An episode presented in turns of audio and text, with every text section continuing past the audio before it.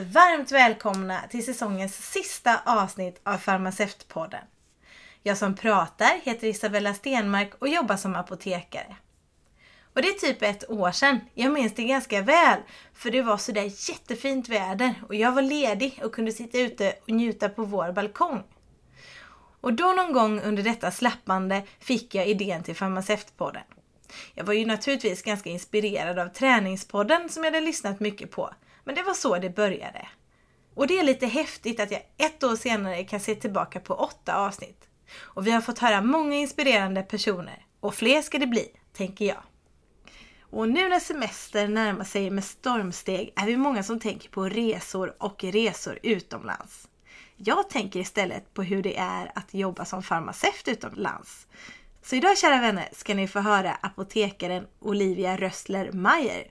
Många av er har säkert tidigare stött på Olivia då hon rapporterat från apoteket i Österrike, både genom intressanta blogginlägg och videoklipp. Och idag ska ni alltså få höra henne. Välkommen till Farmaceutpodden Olivia. Det är så roligt att ha dig här. Hej Isabella och alla som lyssnar. Stort tack för att jag får vara med här i din podd. Det är jättekul. Uh, mitt namn är Olivia och jag älskar apoteksyrket. Jag lever uh, och arbetar i Österrike sedan 2010 och trivs hur bra som helst. Hur kommer det sig att du blev eh, apotekare?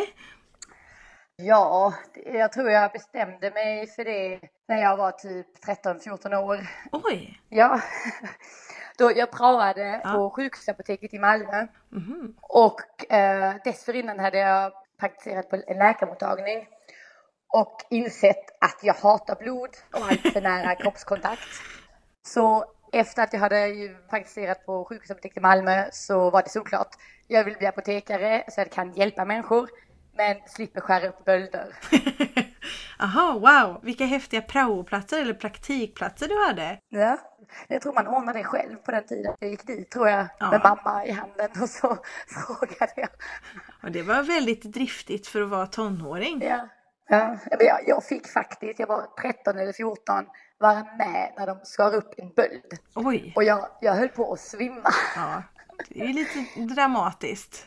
ja, typ aldrig sett blod i mitt liv, men nästan. Och så står jag där och så ligger en, en ganska tjock människa med en böld Och så skär de upp den och bara väller ut blod och annat. Jag var helt blek i ansiktet och föll nästan ihop. Oj, oj, oj. Ja, det var inte lika dramatiskt på sjukhusapoteket? Nej. Nej, grejen att man kunde hjälpa folk som jag kände, det här, det här vill jag göra. Men jag slipper liksom eh, ta på människorna för mycket. Mm. mm. Men jag kan eh, relatera till det du säger faktiskt. att eh, vi har, jag har ingen vana vid att ta i folk heller. Så att ibland tar ju vi blodtryck och så. Och det är lite ja. så här egentligen utanför min comfort zone.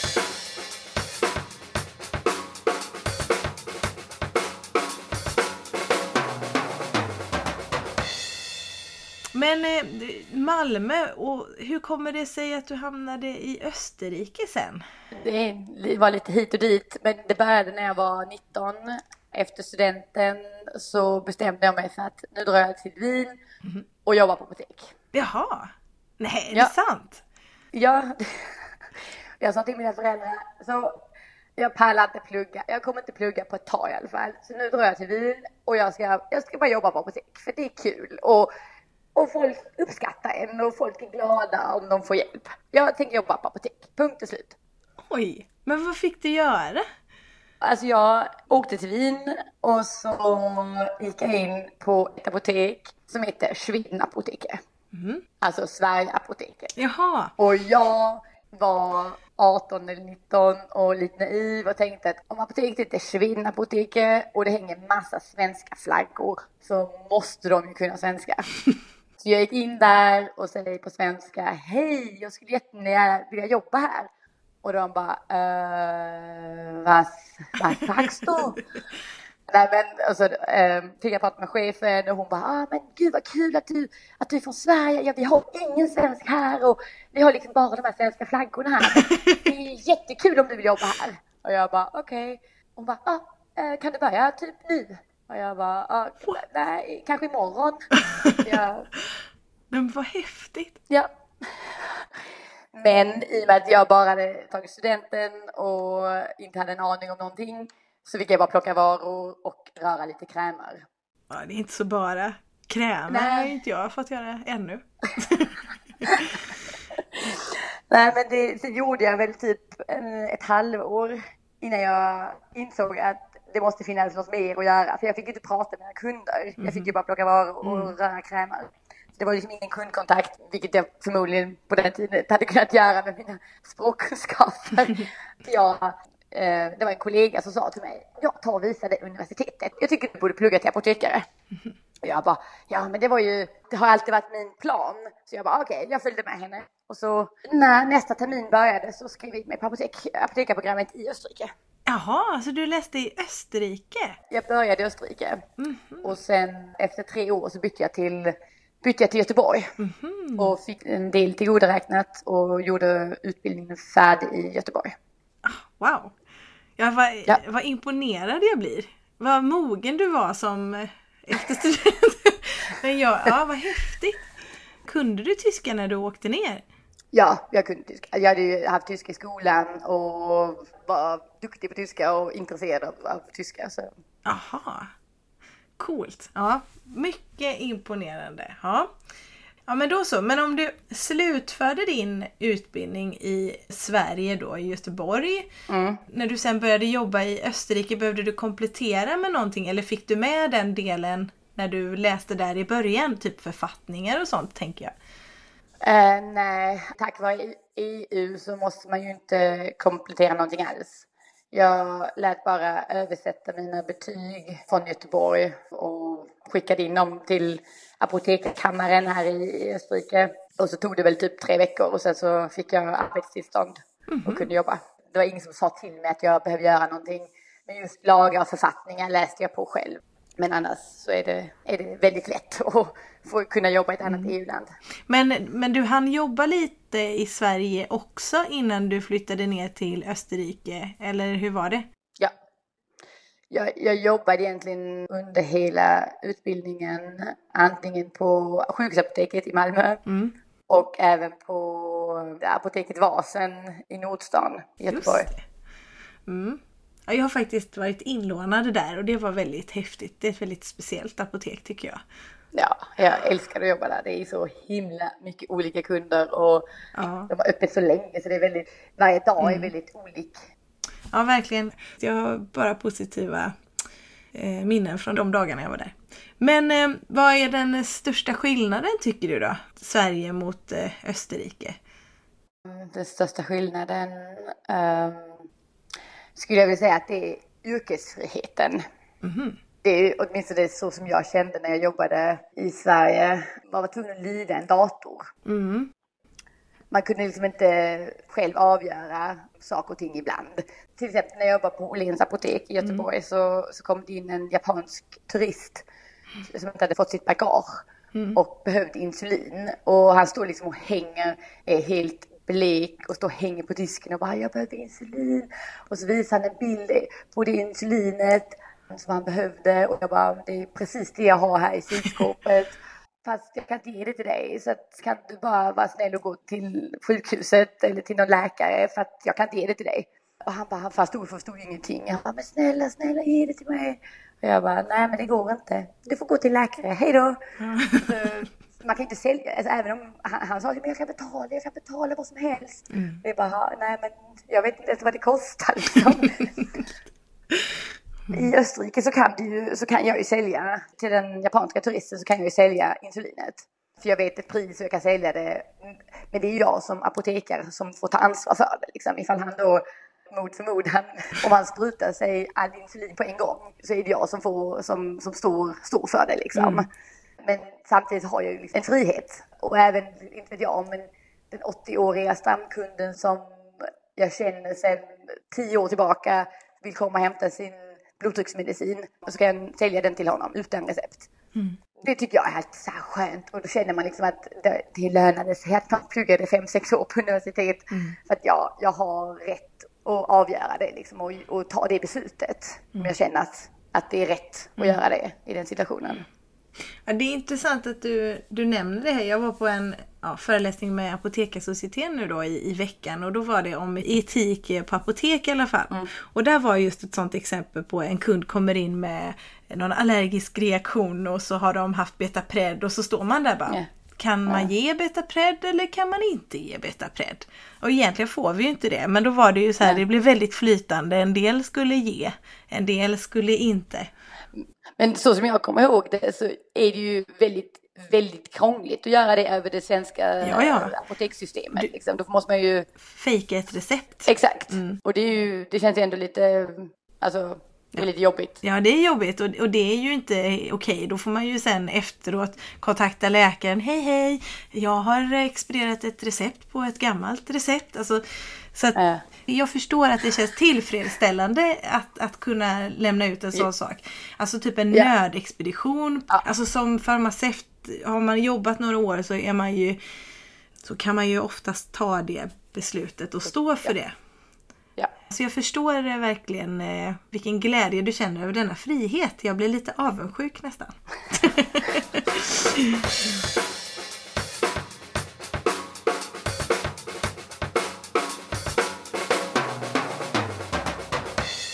Min mamma är från Polen så jag har rest till Polen ganska mycket och har okay. varit på studiebesök i Polen någon gång. Och där har man inte e-recept utan man har liksom pappersrecept och de är giltiga bara för ett uttag och man måste förnya var tredje månad och så vidare. Mm. Hur fungerar det i Österrike? Det påminner lite om, om Österrike. Vi har eh, också pappersrecept mm. och det gäller också bara för ett uttag. Och, alltså det finns 26 olika sjukförsäkringskassor Aha. i Österrike. Oj. 26 olika. Det finns en för lärare, en för bönder, en för privatföretagare och sen typ en hel massa andra och en allmän, det är den största majoriteten tillhör. Mm. Mm. Receptet är giltigt en månad och man kan ta ut en gång, alltså ett uttag. Mm. Och man betalar 6 euro för varje förpackning. Aha. Ja, oavsett vad medicin, alltså medicinen kostar så betalar du 6 euro. Även om det är så här typ grejer som kostar 100 000? Jaha, det var ju generöst. Ja. Men då, då finns, inget, finns det något tak då? Eh, som i Sverige, att det finns ett högkostnadsskydd? Det finns ett tak, men det är inte så som i Sverige, utan det är baserat på inkomst. Så att om man har väldigt låg inkomst, då betalar man maximalt 100 receptgebühren, alltså 100 eh, 6 euro, alltså mm. maximalt 600 euro per år. Jaha. Ja, det var ju lite annorlunda. Men det, det, är subventionerat då misstänker jag? Exakt, det här är ju subventionerat. Eh, men det finns även privata recept och där måste man betala fullpris för läkemedlet. Oj. Och ett sånt recept kan vara skrivet lite på vilket papper som helst i stort sett. Typ på så att ölunderlägg eller som jag hade en gång eh, ett recept som var skrivet på en bit toapapper. Nej. Okay. Jo, och det är precis lika okej okay som allt annat liksom. Så att det, men, men kan det vara typ ja. även eh, narkotiska preparat? Nej, nej det kan det inte. Nej, okay, så det... det är en, en speciell liten klisterlapp som måste sitta på sådana recept. Okay. Lite ordning och reda finns det men om vi säger att det kommer in en kund med ett recept på ett papper och toalettpapper eller papper. Ja. ja. Hur vet du att det är inte kunden som har skrivit det själv då? Nej, det ska vara en, alltså en underskrift från en läkare och det ska helst vara en stämpel från läkaren så att jag vet att det är en läkare. Alltså så att jag vet vem det är som har skrivit, har okay. skrivit det. Okej, okay. det var ja. lite annorlunda får jag ändå säga. Ja. Och vi gnäller så här, nej den här receptblanketten är tyvärr utgången. När folk skriver typ så här hjälpmedelskort och så hittar de någon sån här gammal. Då vet jag att okay. det, finns farmaceuter som eh, tycker att nej men det här är inte giltigt för det här är en gammal receptblankett. Och så tänker jag så här, men alltså vi ser ju vad det ska vara liksom och vem som ja. har skrivit det.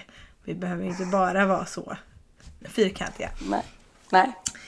ja, vilken kontrast, verkligen. Ja. men finns det typ planer på att införa e-recept? Ja. Ja, ja, de diskuterar det de senaste typ tio åren, Aha. att införa e-recept. Än så länge har det inte blivit någonting. vi, vi kanske om ett par år så kanske det kommer. Vi får se. Det kommer nog ta lång, lång, lång tid. Men som jag kommer ihåg, i Sverige så tog det också en massa år innan det verkligen var infört e-recept. Alltså det, Ja. eller? Jo, så är det ju. Jag har bara jobbat med e-recept. Eller man kan ju fortfarande ta emot pappersrecept. Men det går ju mer och mer mot det att det ska försvinna.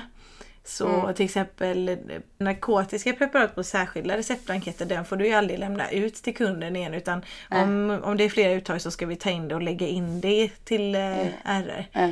Men alltså det finns alltså fortfarande pappersrecept. Jag trodde de var helt... Ja, jo, jo, jo, det finns. Det finns. Det finns Ja. okej. Vi har ju studenter på apoteket nu så att eh, vissa kunder känner man igen så här, ja det är en pappersreceptskund. Då brukar jag säga, kom kom, nu ska du få trycka fram här studenten. Och så får de det och så blir det så här, åh nej, vad ska jag göra? För det, det är ju annorlunda. De är så vana Ja. vid e-recept men de måste ju kunna ta emot pappersrecept också. Ja. Men hur är det, skriver de, skriver de mycket på latin och så på era recept? Inte på recept, alltså där skriver de ju läkemedelsnamnen. Gör de ju. Men när det gäller liksom, det förskrivs ju ibland även så teer och så. Och då, då skrivs ju ibland på latin. Aha. Och när det är liksom krämer och så här extemporeberedningar, då skrivs det också på, på latin. Men teer, kan man få te på recept? Ja, Och är det också så här inom högkostnadsskyddet? ja, Oj! ja, alltså apoteksteer som är liksom, som är medicinalväxter som är kontrollerade på sin effekt kan förskrivas på recept. Ja. Coolt! Ja.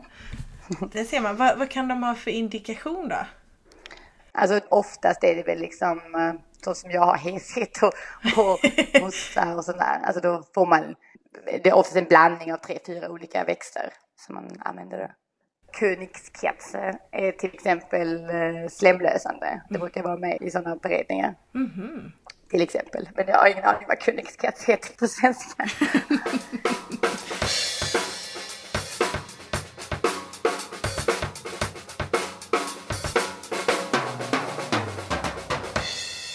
När jag har varit utomlands så har jag sett att vissa apotek ibland är inriktade på vissa saker, typ barn eller en, en diagnos.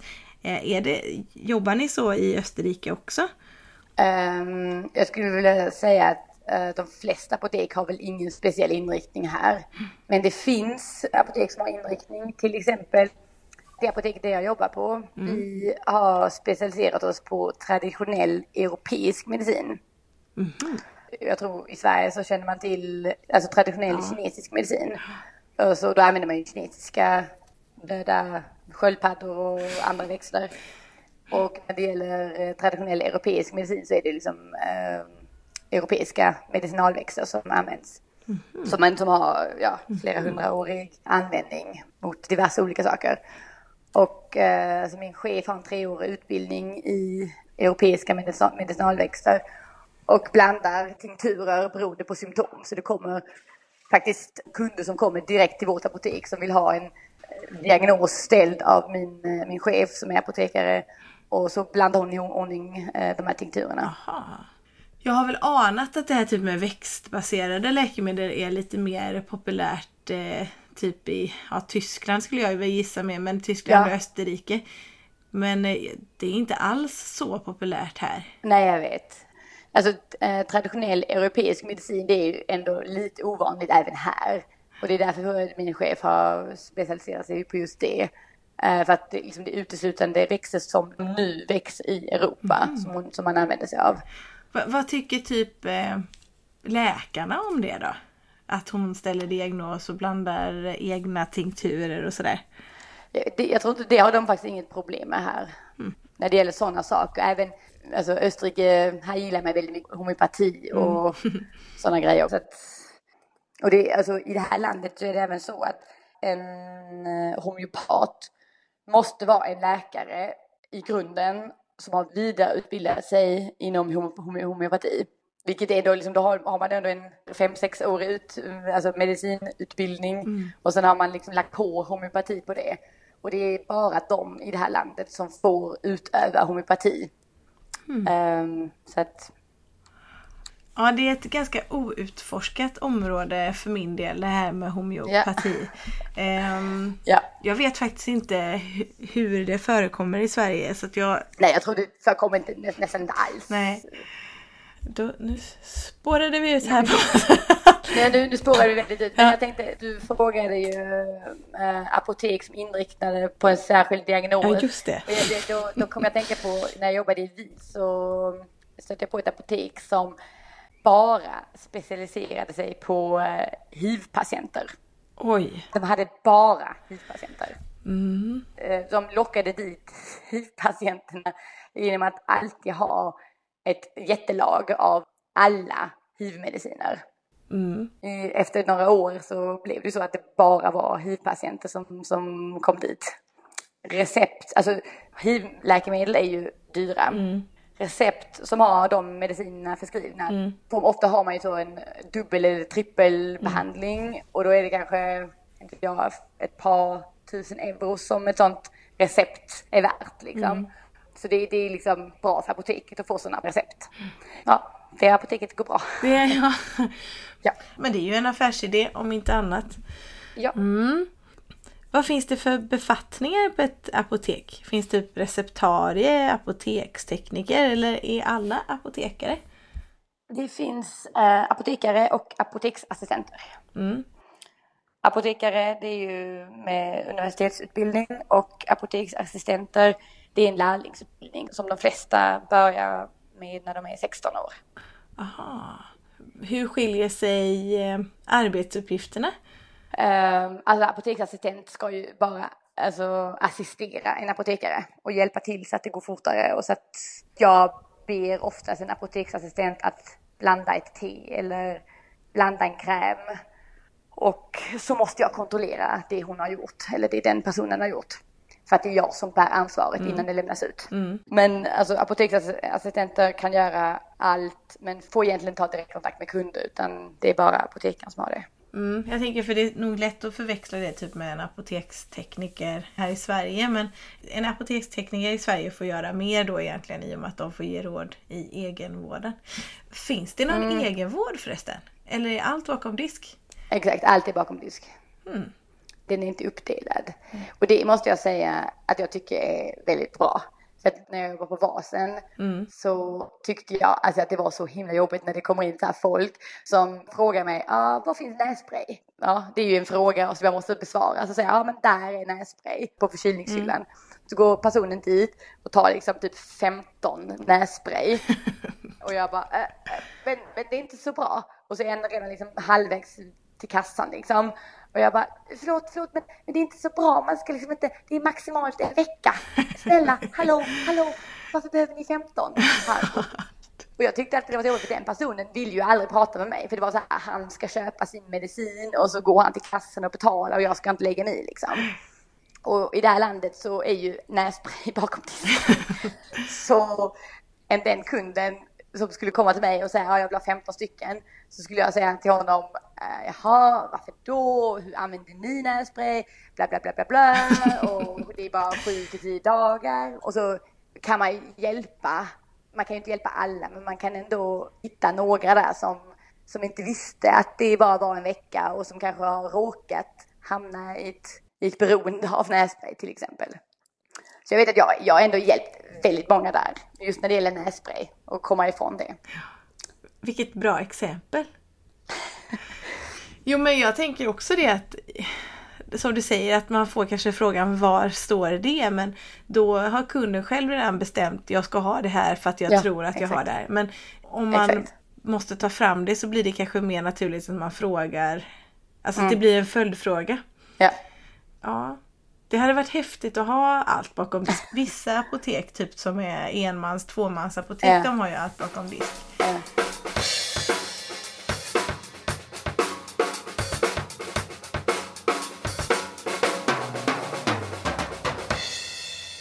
Hur jobbar ni med, med kvalitet och sådär? Typ med, jag antar att fel blir det ju säkert någon gång även fall man aldrig strävar efter det. Typ följer man upp det? Har man någon läkemedelsansvarig eller hur gör ni? nej, Nej. nej, är det sant? nej. sånt gör vi inte. Um, alltså om det blir fel så löser vi det. Men det är liksom ingenting som, åtminstone inte i de flesta apotek som dokumenteras. Det är liksom inget som är liksom så här övergripande på alla apotek eller så, utan det finns vissa apotek som kör lite hårdare och verkligen dokumenterar och diskuterar det ingående felexpeditioner och så. Men eh, de flesta gör inte det. Aha. Men det blir, det blir ju såklart fel och man löser felet. Alltså inte vet jag om man har lämnat ut fel läkemedel så ser man till att hitta kunden och ringa honom och se till att han kommer tillbaka. Och så om det felet har hänt och så är det kanske bara varför hände det felet? Funderar kanske två kollegor. Ja, men det var förmodligen för att förpackningarna ser likadana ut. Ja, okej, okay, pass. Och så fortsätter vi. Mm -hmm. ja, I Sverige är det ju så typ att vissa saker rapporteras ju är man skyldig att rapportera till Läkemedelsverket och så kan det bli en mm. sån här lex Maria. Myndigheterna har ingen tillsyn då? Nej. Mm -hmm. Alltså inte någon officiell tillsyn där. Alltså jag, jag, jag gissar om det händer något riktigt grovt så blir det liksom en polisanmälan och så vidare och då blir det väl någon, alltså att det går till apotekarkammaren och så vidare. Men sådana här små, små, små saker mm. händer det ingenting med. Nej. Mm -hmm. Okej, så apotekarkammaren är kanske eran då som bestämmer över eran mm. kår? Aha. Exakt. Är det de som kan ta en legitimation också då? Exakt. Ah, ja. okej, okay, ja då förstår jag. Vad blind man blir när man jobbar på ett sätt, då tänker man ju att alla gör likadant. Men så är det mm. inte. Jag tänkte, vad gör en läkemedelsansvarig egentligen? Ja, jag är ju läkemedelsansvarig så jag borde väl veta. okay. Men jag tänker att den här rollen tror jag infördes när man släppte monopolet så har jag fattat ja. det som. Ja. Eh, och eh, läkemedelsansvarig ska se till att eh, apoteket håller den kvaliteten som man är skyldig att hålla och liksom följer de författningar okay. och de lagar som finns. Och sen alla felexpeditioner, okay. då, då ska man ju följa upp dem. Och precis som du sa att man pratar kanske, då, då ska jag ta reda på varför blev det fel och varför blev det så här och varför har vi gjort det och så. Varför, varför, okay. varför, varför. Okay. och åtgärd. Det här ska vi göra för att det inte ska hända igen. Mm. Okay. Ja, alltså som sagt, vi, vi gör ju sånt, men det är liksom inte något som dokumenteras och det är inte någonting som är tvång. Nej. Och det är inte någon som kollar oss att vi gör det. Nej, och det gör ju Läkemedelsverket. De har mm. ju varit nu på västkusten så att man är lite orolig att de ska komma eh, på okay. besök. Och då gräver de i allt. Och så förhör de så här personalen att de vet ja, hur går den här rutinen till? Och så får man berätta ja, så här och så här och så här. Okay. Och, så här. och kan man inte då, då blir det en avvikelse. Men de kontrollerar att man vet hur saker och ting ska fungera på apoteket? Eller ja, Dels det och sen att man typ eh, Eh, dokumentera på rätt sätt. Som till exempel, vi okay. kollar ju kylskåpen varje dag. Så har man missat en dag så blir det så här, varför har ni missat? Eller om kylskåpet blev varmt, vad gjorde ni? Vilka åtgärder? Eh, vad gjorde ni okay. med läkemedlen? Alltså det... Eh, alltså, vi har en automatisk, eh, där temperaturen automatiskt skrivs upp varje dag. Ja, ni har kommit lite längre. ja, på det åtminstone. ja. Jo, vi har väl larm på våra också men ja, det, okay. det är ändå ett krav liksom. Okej, okay, okej. Okay. Och vad mer? Kompetenspermar är ju också väldigt intressant. Ansvarsfördelning. Vem gör vad? Vem ersätter dig när du inte är där? Okay, um, okay, Sådana saker. Så strukturerade vi inte. Alltså sånt kontrolleras inte. Men vi har, vad är det, jag tror det är var tredje år kontrolleras alla apotek. Och då kommer det en kommitté. Det är en läkare, en apotekare, och typ två, tre stycken till som kommer på apoteket och är, springer omkring på ett apotek i typ eh, tre, fyra timmar och kollar allting. Mm. Är de representanter för apotekarkammaren då? Mm, nej, det är, är då alltså, det är alltså en apotekare som är, representerar egenföretagare, apotekare typ. Aha. Och en eh, som kommer från apotekarkammaren, en som kommer från eh, läkarkammaren. Mm. för att läkarna också vill se hur vi gör saker och ting och att de vill ha koll på vad vi gör typ. Och hur vi lagrar saker och mm. ja, vad kollar de med? Alltså även så här till exempel ehm, hur vi gör ögondroppar och hur apparaterna ser ut, hur vi gör det och även substanserna, att de är kontrollerade för vi köper in substanser och de ska kontrolleras på identitet. Det dokumenterar vi och det mm. kontrolleras då att vi har gjort det. Ja. Ha, gör ni ögondroppar på ditt eh, apotek? Ja. Ja, alltså ögondroppar gör vi. Mm. Det, det, mesta vi gör är väl krämer, olika sorters krämer och mm. geler. Och vi gör väl ganska ofta också kapslar och hostmediciner och näsdroppar och så gör vi. Mm. Ibland, ja, alltså det kanske sker typ två gånger i veckan, så gör vi stolpiller också. Mm. Eller vaginaltabletter gör vi också. Det är... mm, mm. Vad är roligast att tillverka? Mm, jag tycker kapslar är rätt kul att göra faktiskt. För i Sverige typ är det så här att extempore har vi om det inte finns eh, läkemedel mm. som är industritillverkade. Är mm. det samma för er? Ja, det är samma. Men eh, till exempel krämerna. Ofta är det så här blandningar, att de blandar typ hydroid med Voltaren och någon mjukgörande kräm. Då blandar vi ihop de tre och det känns ju också lite så onödigt på sätt och mm. vis. Om man ska se det till kunden så är det klart smidigare för kunden att bara smörja en kräm och så har han typ tre effekter. Mm. Men även så antibiotiska krämer blandas med kortisonkrämer om, om det inte finns färdigt liksom. Mm. Så att kunden bara, slipper, alltså, bara behöver smörja på en kräm. Ni värnar mycket om era kunder, att de ska ha det bekvämt helt enkelt? Ja, läkarna gör det, för det är ju ja. beskrivet på recept. Ja. Men är det sådär att man lämnar in sitt recept antar jag och så hämtar man det senare eller ställer du dig och grejar det direkt? Uh, det är lite beroende på tid och hur mycket kunder som är på apoteket men oftast så blandar vi det på direkten. Eller vi säger liksom, ja det tar fem minuter eller sju och så, så gör vi det på direkten. Men kaps, kapslar tar lite längre tid. Där, där säger vi, kom tillbaka om en timme så har vi kapslarna färdiga.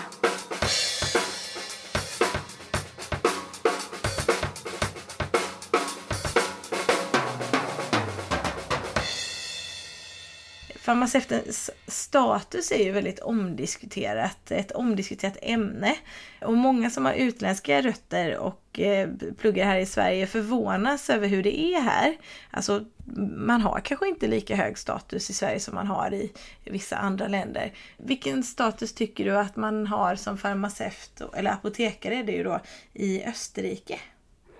Alltså en, ett väldigt, väldigt högt och gott anseende har man här. Mm. Så att man, här, folk ser typ upp till en när man, när man är apotekare. Ja, det är roligt att höra. Ja. Känns det annorlunda för dig eh, i Österrike mot vad du gjorde när du jobbade i Sverige? Ja, det tycker jag. Alltså här, men här känns det som att folk vet att man har pluggat länge och vet mycket. Och i Sverige så känns det som att man måste bevisa för kunderna att man mm. kan någonting. Och att de innan de känner en så tror de att man egentligen bara kan knappa lite på datorn och, och klistra etiketter typ. Ja, exakt. Det är det, är det svåraste. Klistra ja. mm. Nej men lite så, jag, jag tror nog att, att vissa kunder i Sverige också vet att man kan saker efter att man har mm. bevisat det och bevisat det flera gånger. Man har liksom gett dem bra tips eller fixat någon eh, dubbelexpedition eller hittat någon, någon uh, biverkan eller jag vet inte vad. Att mm. de då inser, shit, hon var ju duktig, gud vad snäll hon var.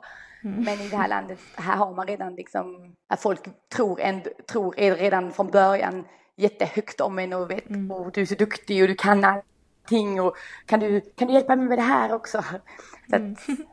ja, det, det måste kännas så belönande det är många år sedan nu men jag var i, när jag var i, också en annan gång när jag var i Polen och stod i kö och de har också mycket bakom disk så.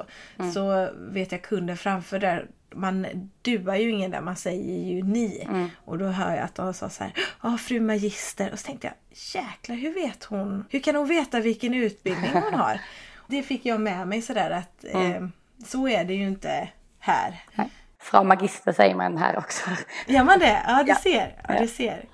Ja, fantastiskt. Ja, man, man duar inte i Österrike heller? Nej. Nej. Mm -hmm. Ja, vad roligt. Ja.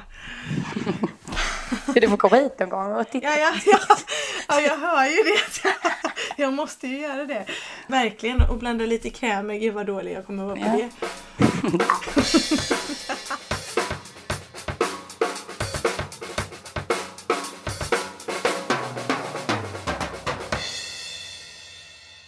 Då Olivia kommer jag till min eh, avslutande fråga här. Skulle du rekommendera att jobba utomlands som apotekare? Absolut. Absolut. Tycker det är jättespännande. Det är klart, det, det passar kanske inte alla, men, men jag tror det skulle passa, passa de flesta. Och det är väldigt spännande och kul att se, se något annat. Ja, det hade ju varit en erfarenhet om inte annat. Mm. Nej, men just, just att se hur, hur det funkar på andra ställen. Liksom, Jag brukar alltid springa in på andra apotek när jag är typ i Italien och Spanien och så, bara för att se Mm. hur det ser ut och vad de har för saker där och hur det funkar. Ja. Att, ehm, och att jobba en tid på ett annat apotek i ett annat land, det är absolut spännande och bra för ens utveckling. Mm. Jag har, får tankar av detta samtal. ja, jag känner ju verkligen att det kanske blir en tur till Österrike nu och det var jättekul och intressant att höra dig berätta. Eh, jag hade säkert kunnat fråga dig mycket mer. Ja, man får ju mer frågor ju mer man pratar men det får Ja. vi väl ta en annan gång då. Ja. Eh, Så stort tack Olivia att du har velat vara med i Farmaceutpodden. Eh, Trots att du är lite hes. Jag tackar dig ännu Ja. mer. Eh, Och att du har delat med dig av dina erfarenheter. Tack, tack för att jag fick vara med. Det var jättekul att prata med dig. Ja, detsamma. Och Farmaceutpodden är tillbaka igen till hösten med nya avsnitt. Såvida jag inte får för mig att göra en sommarspecial också. Men vi får väl se hur bra vädret blir och hur mycket annat jag har för mig. Under tiden kan ni följa Farmaceutpodden på Instagram och Facebook. Tyckte du om avsnittet får du gärna dela det. Stort tack till alla er som har lyssnat och följt Farmaceutpodden under det här året. Trevlig sommar, sköt om er. Hej då! Hej då allihopa!